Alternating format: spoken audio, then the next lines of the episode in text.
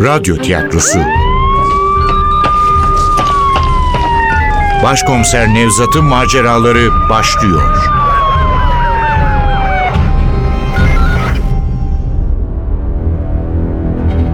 Kavim 6. Bölüm Eser Ahmet Ümit Seslendirenler Başkomiser Nevzat Nuri Gökaşan Komiser Ali Umut Tabak Evgenya Funda Postacı. Murat Murat Aydın. Emniyet Müdürü Selçuk Kıpçak. Aşiret Lideri Nebi Sefa Zengin. Şeyh Mehdi Faruk Akgören. Efektör Cengiz Saral. Ses Teknisyeni Gökhan Tunçkaya. Yönetmen Zeynep Acehan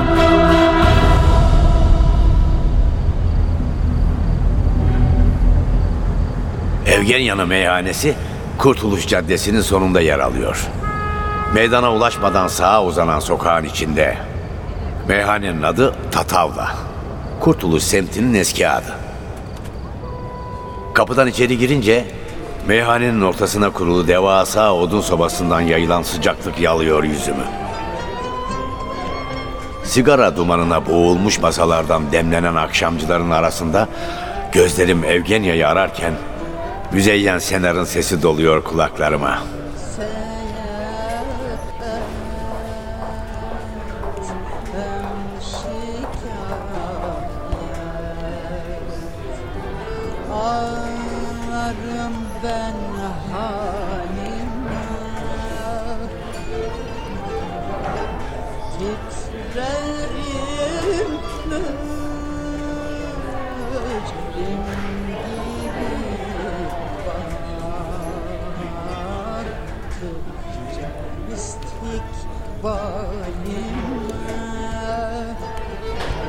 Dudaklarıma bir gülümseme yayılıyor. Bu meyhanenin öyle bir havası var ki daha adım attığın anda değiştiriyor adamı. Nevzat, Müzeyyen Senar'dan sonra duymak isteyeceğim tek ses Evgenya'nın su damlası gibi duru sesi. Sesin geldiği yöne dönerken Taksim'deki çingenelerden aldığım kırmızı gülleri arkama saklıyorum. Evgenya'nın Rum olması muhtemel orta yaşlı iki kadını pencere kenarındaki masada bırakıp bana yaklaştığını görüyorum. Gülümsüyor. Zaten onun gülümsemediğini hiç görmedim ki. Urfa'da karakolda ilk tanıştığımız o sıcak yaz gününde de yıllar sonra İstanbul'da yeniden karşılaştığımız yağmurlu bahar gecesinde de gülümsüyordu. Belki gülümsemiyordu da yüzündeki ışık öyle sanmama yol açıyordu. Gerçekten de Evgenya'nın yüzünde hep bir ışık vardır. Bu ışık açık kumral saçlarından mı, geniş alnından mı, iri yeşil gözlerinden mi yansır anlayamazsınız. Evgenya'nın yüzü sanki kafasının içinde ilahi bir ışık varmışçasına göründüğü her yerde aydınlık saçar. Yok, İsa ya da Azizlerin başlarının üzerindeki hareden söz etmiyorum. Bu dünyaya ait olmayan bir aydınlık değil bu.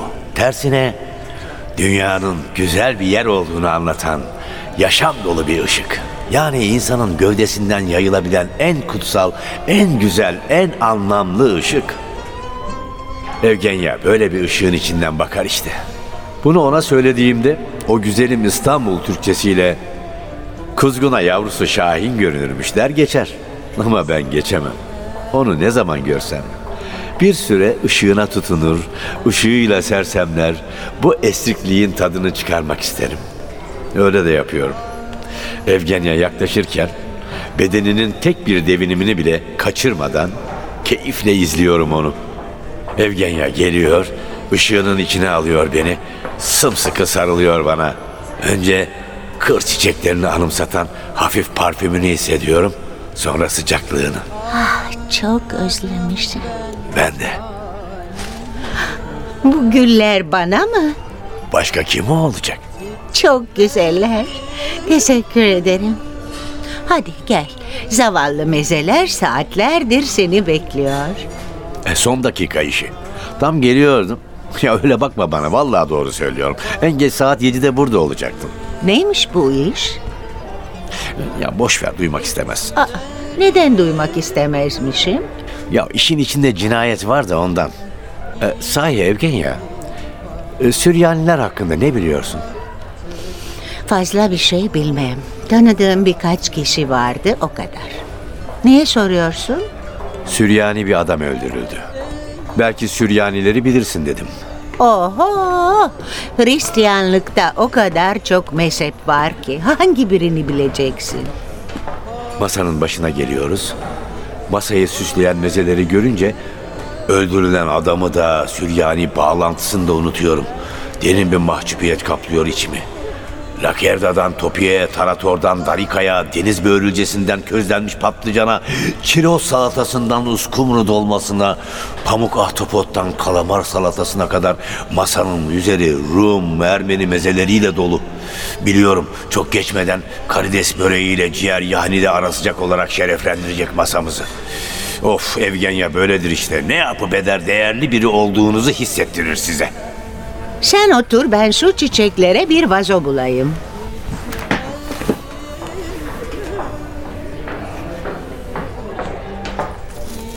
Herkesin gözü güllerde kaldı. Nereden bulursun böyle güzel çiçekleri? Kurtuluşun girişindeki mezarlıktan. Hmm, dalga geçiyorsun. Gecenin bu saatinde nasıl gireceksin mezarlığa? Unuttun mu ya ben polisim. Aa, Nevzat çok kötüsün. Hadi o zaman kötülüğün şerefine içelim. Kötülüğün şerefine içmeyelim. Kötülük hiç olmasın. Ne yaptın be Evgenya? O zaman ben işsiz kalırım. Kalmazsın. Kalırsan da ben sana bakarım. Teşekkür ederim. Canım benim. Peki neye içeceğiz? İyiliğe mi? Yok. Güzelliğe içelim. Güzel olan iyidir. Tamam. Hadi güzelliğe o zaman. Mezeler de muhteşem görünüyor. Müzeyyen de pek güzel söylüyor. Bu akşam harika bir akşam. Bu gece her şey çok güzel. Sen geldin ya. Evgenya'ya bakıyorum. Ne zaman girdi yaşamıma sanki onu hep tanıyormuş gibiyim. Oysa bundan on küsür yıl önce Urfa'daki karakolun küçük odasında onu ilk gördüğüm günü dünmüş gibi hatırlıyorum. Elinde kumaştan küçük bir çanta vardı sadece. Bana yardım edin demişti. Sözlerinden çok kızgın Urfa güneşinin esmerleştirdiği yüzünde iyice belirginleşen açık renk gözleri dikkatimi çekmişti. Beni İstanbul'a yollayın. Yoksa Kerdani aşireti beni öldürecek diyordu. Onu bir iskemleye oturtup derdini dinlemeye çalıştım. Ama kaybedecek zamanı yoktu. Korkuyordu. Bir an önce şehirden kaçmak istiyordu. Kimse seni öldüremez diye yatıştırıp meseleyi anlatmasını istemiştim. Baktı başka çaresi yok. Anlatmıştı Evgenya. Babası Yorgo'nun meyhanesine yani şu anda oturduğumuz Tatavla'ya takılan Murat adında bir Kürt delikanlısına aşık olmuş. Murat, Urfa'da Kerdani aşiretinin önde gelen ailelerinden birinin oğlu. Kan davası yüzünden kaçmış İstanbul'a gelmiş. Dolapdere'de benzin istasyonu işleten amcasının yanında kalıyor. Amca akşamcı, yeğeniyle birlikte Tatavla'ya dadanmışlar. Evgenya burada görmüş Murat'ı. Görür görmez de sevdalanmış bu kara yağız, uzun boylu delikanlıya. Ama babası Yorgo bu sevdaya hiç sıcak bakmamış. Baba onaylamayınca da ateş iyice alevlenmiş. Murat'la Evgenya gizli gizli buluşmaya, sevdalarını gözlerden ırak yaşamaya başlamışlar. Böyle gitse iyiymiş ama gün gelmiş, Kerdani aşiretinin hasımlarıyla arası düzelmiş. Kan davası barışla sonuçlanmış. Böylece Murat'ın Urfa'ya dönmesi gerekiyormuş. Evgenya sevdiği adamın gitmesini hiç istemiyormuş. Ama Murat gitmek zorundaymış. Benimle gel orada evlenelim demiş Murat. Evgenya o zaman çok gençmiş. Hayatı aşktan ibaret sanıyormuş. Başında kavak yelleri efil efilmiş. Ama babasını da kırmak istemiyormuş. Fakat biliyormuş ki babası bu evliliğe asla izin vermeyecek. Bir süre kararsız kalmış. Bir yanda babasının koruyucu bakışları, şefkat dolu sözleri, öte yanda Murat'ın insanın içine işleyen kara gözleri, sıcacık elleri, heyecan veren sesi. Aşk hep ağır basar derler ya. Yine öyle olmuş. Evgenya sonunda Murat'ı seçmiş. Yaşlı babasını yaşlı meyhanesiyle kurtuluşa bırakıp Murat'la hayatında hiç görmediği, belki merak edip fotoğraflarına bile bakmadığı Urfa'nın yolunu tutmuş. Evet bir anda tüm yaşamını değiştirmeyi göze almış. Üstelik birlikte yaşayacağı adamı daha doğru dürüst tanımadan. Evgenya böyledir işte. Birini sevdi mi gülümsemesini, bedenini, ruhunu öylece bırakır ona. Birini sevdi mi sonuna kadar inanır. Hayat acı deneylerle bunu yapmaması gerektiğini defalarca gösterse de insanlara inanmaktan vazgeçmez. Onu uyarmaya kalktığımda ne yapayım yani der. Sevdiklerime, dostlarıma, arkadaşlarıma inanmazsam yaşamın ne anlamı kalır? Bana kızma ama Nevzatçım. Kendini aptal gibi hissetmek yalnız olmaktan daha iyidir. Yo, Evgenya'nın dünyası pembe düşler, beyaz yalanlar üzerine kurulu değildir. Aslında son derece gerçekçi bir kadındır. Ama onda hani derler ya, peygamber sabrı, derviş hoşgörüsü, keşiş inancı vardır. Neyse biz hikayemize dönelim. Evgenya, babası yaşlı Yorgo'yu terk ederek Murat'la Urfa'ya kaçarken geride sadece tek satırlık bir mektup bırakmış. Baba, beni affet. Babası Yorgo, ben onu tanımadım, toprağı bol olsun, iyi adammış. Daha Evgenya onu bırakıp gittiği anda affetmiş kızını. Ama onun için korkmaktan, kaygılanmaktan da kendini alamamış. Nasıl kaygılanmasın? Gözü gibi baktığı, üzerine titrediği biricik kızı, huyu başka, suyu başka, geleneği, göreneği, dini, imanı başka insanların arasına gelin gidiyor. Ama biliyor ki sevda bu. Biliyor ki Evgenya'nın inadını kırmak imkansız. Çaresiz kabul ediyor durumu. Fakat çok geçmeden Yorgo'nun kaygıları gerçek olmuş. Bizim iki aşık daha Urfa'ya iner inmez sorunlar başlamış. Çünkü Murat birdenbire değişmiş. Yok Murat hala Evgenya'yı sevmekteymiş. Ancak Urfa'daki Murat İstanbul'daki Murat değilmiş. Önce neler olup bittiğini anlayamamış Evgenya. Muratların iki katlı, dokuz odalı, geniş bahçeli taş evi bir masal mekanı gibi geliyormuş ona. Kendisini bu masalın içindeki prenses gibi hissediyormuş. Binlerce yıl önceden bugüne uzanan bu büyülü kültürün alışkın olmadığı atmosferinde hep güzel hayaller kurarak, olayları hep iyi yanından alarak, yarı düş, yarı gerçek içinde yaşamış ilk haftalar. Ev halkı da onu el üstünde tutmuş bir süre. Misafirdir, yabancıdır, kimsesizdir, gariptir, yazıktır lafları çınlamış odaların taş duvarlarında. Kadınların sıcaklığını sevmiş Evgenya. İnsanların içtenliklerini. Erkekler sertmiş, biraz da uzak ama aldırmamış. Nasıl olsa alışırlar, beni kabul ederler diye düşünmüş. Murat önce bir imam nikahı yapmış ona. Resmi nikah ardından gelecekmiş. Ama imam nikahı kıyılır kıyılmaz büyü bozulmuş. Evgenya'nın misafirliği sona ermiş. Ev halkının tavrı aniden değişivermiş. Onun da öteki kadınlar gibi olması istenmiş.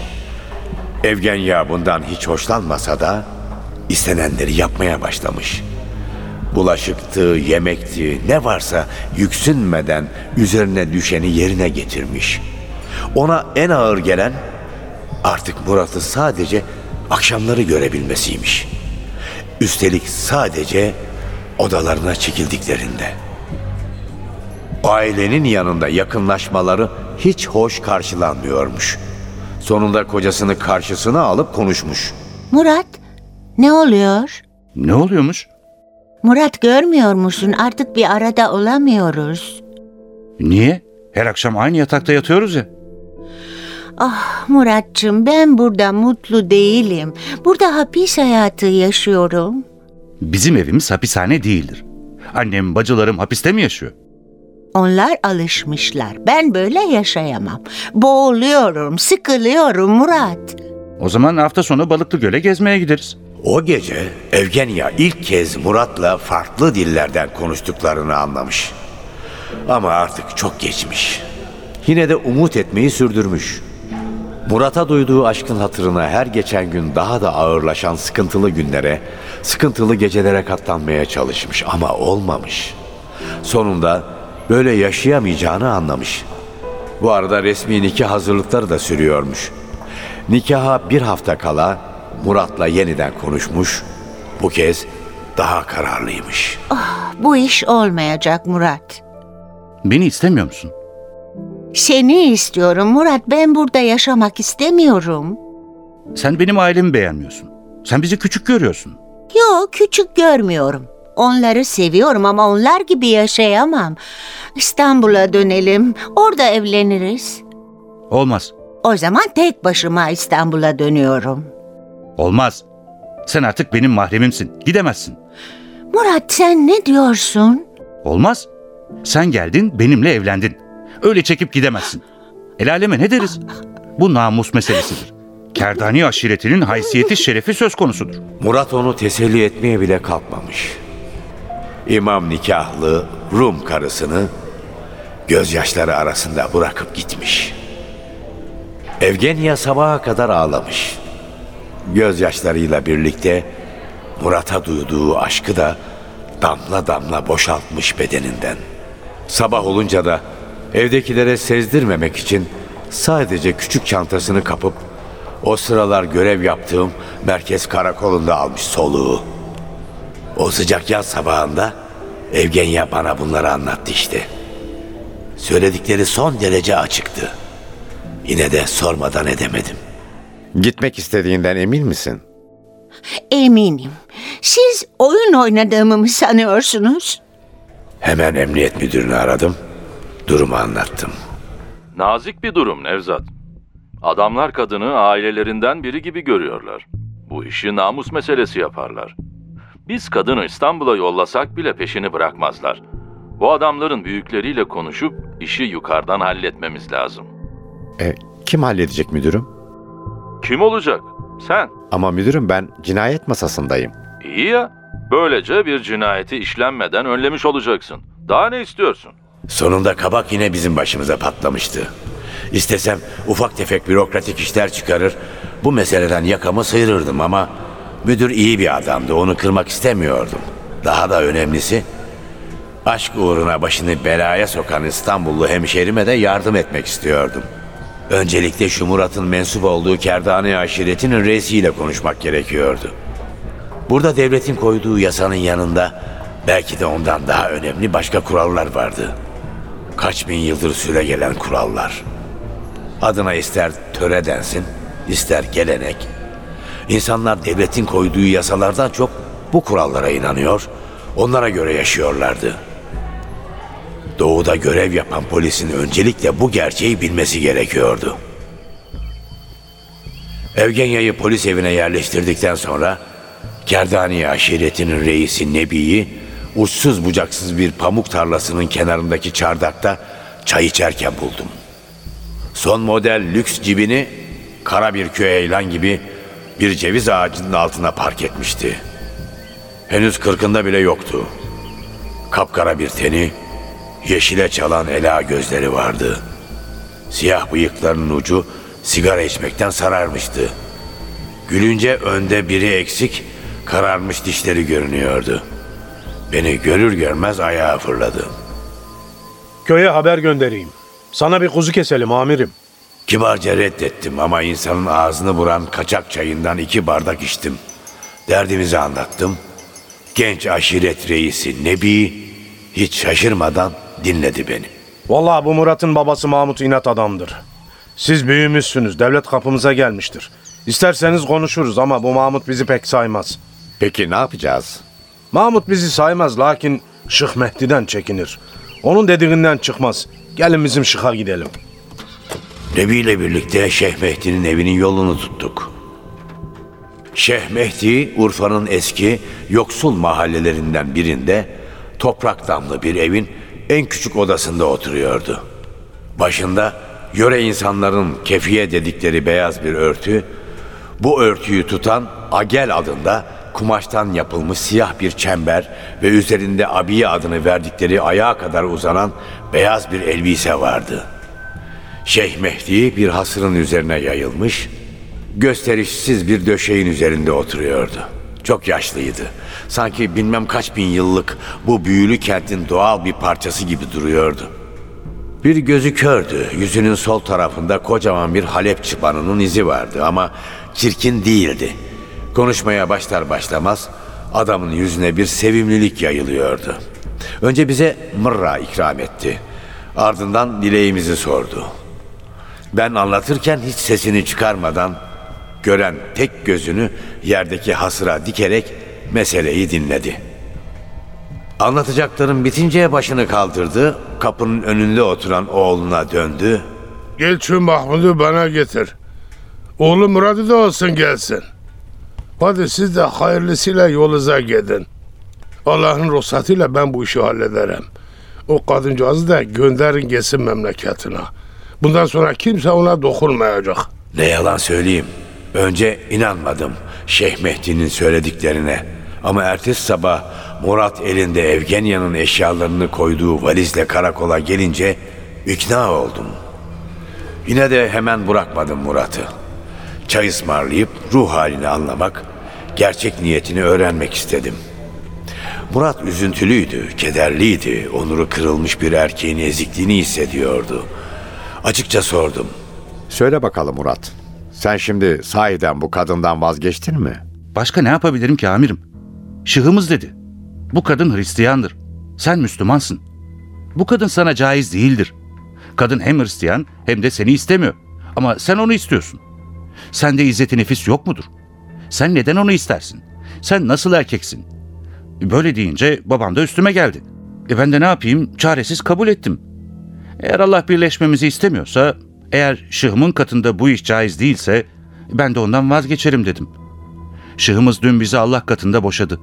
Artık Evgenya benim karım değil. Yani tümüyle vazgeçtin. Vazgeçtim amirim. Esasında da olmuyordu zaten. İstanbul başka, bura başka. Belki de hakkımızda hayırlısı budur. Murat böyle konuşunca rahatladım. Şimdi tam olarak kurtulmuştu kadıncağız. Ertesi gün Evgenya'ya akşam otobüsüne bilet aldım. Onu otogara ekip arabasıyla götürdüm. Çok teşekkür ederim. Siz olmasaydınız buradan kurtulamazdım. Ben olmasam başka biri yardım ederdi. Yine kurtulurdunuz. Yok. Biliyorum. Bir komşu kadın vardı. Süryaniymiş.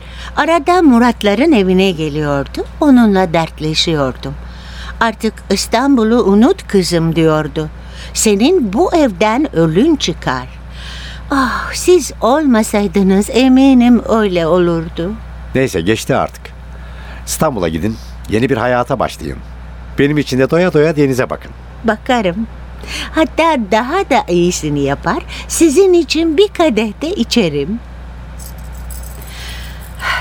Bu haç uğurludur. Bana annem vermişti. Ona da anneannesi vermiş. İnsanı belalardan koruyor. Ben beladan kurtuldum. Artık ona ihtiyacım olmayacak ama siz hep belanın içindesiniz. Sizde dursun. Ha, ama sizin için uygun değilse, yani e, siz Müslümansınız. Çok teşekkür ederim. Uğur getiren her şeye ihtiyacımız var. Elimi sıkıp otobüse bindi. İstanbul'a yaşlı babasının yanına döndü. Onu uzun süre görmedim. Aradan beş yıl geçti. Ben de İstanbul'a döndüm. Bir yıl sonra o korkunç olay başımıza geldi. Karımı, kızımı bir bombalama olayında kaybettim. Cenazede kalabalığın arasında bir kadın gelip başsağlığı diledi. Yüzü tanıdık geliyordu ama kim olduğunu çıkaramıyordum. O sıralar ben kendimin bile kim olduğunu bilemiyordum. Aklımı yitirmiş gibiydim. Birkaç ay sonra bir kadının aradığını söylediler.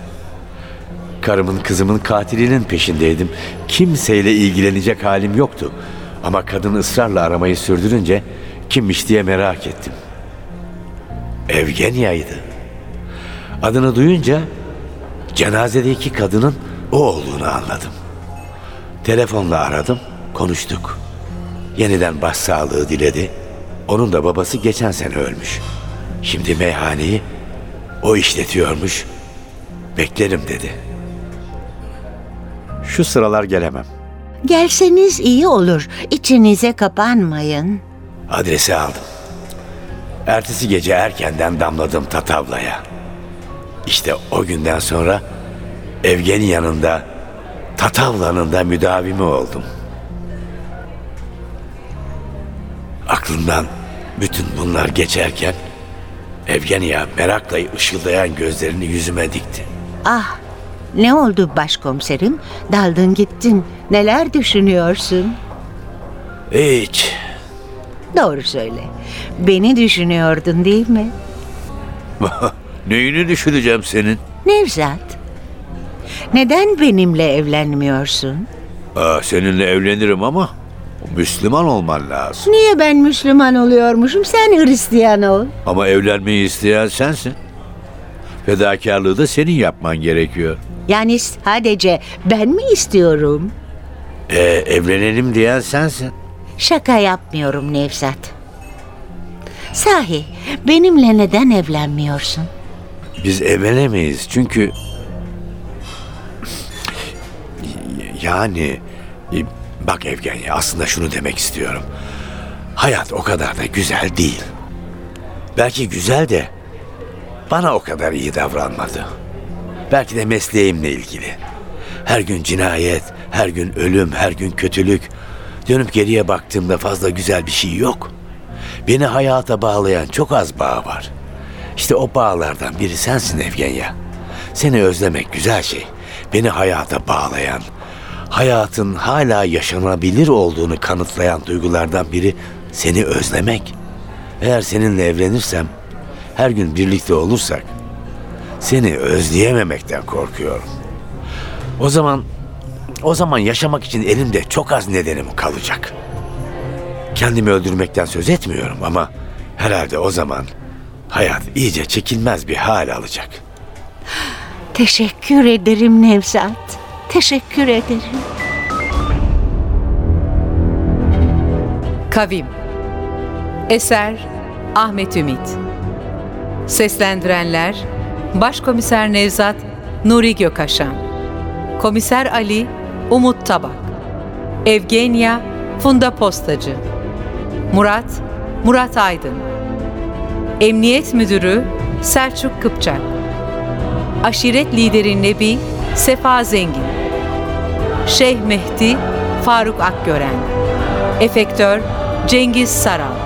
Ses Teknisyeni Gökhan Tunçkaya. Yönetmen Zeynep Acehan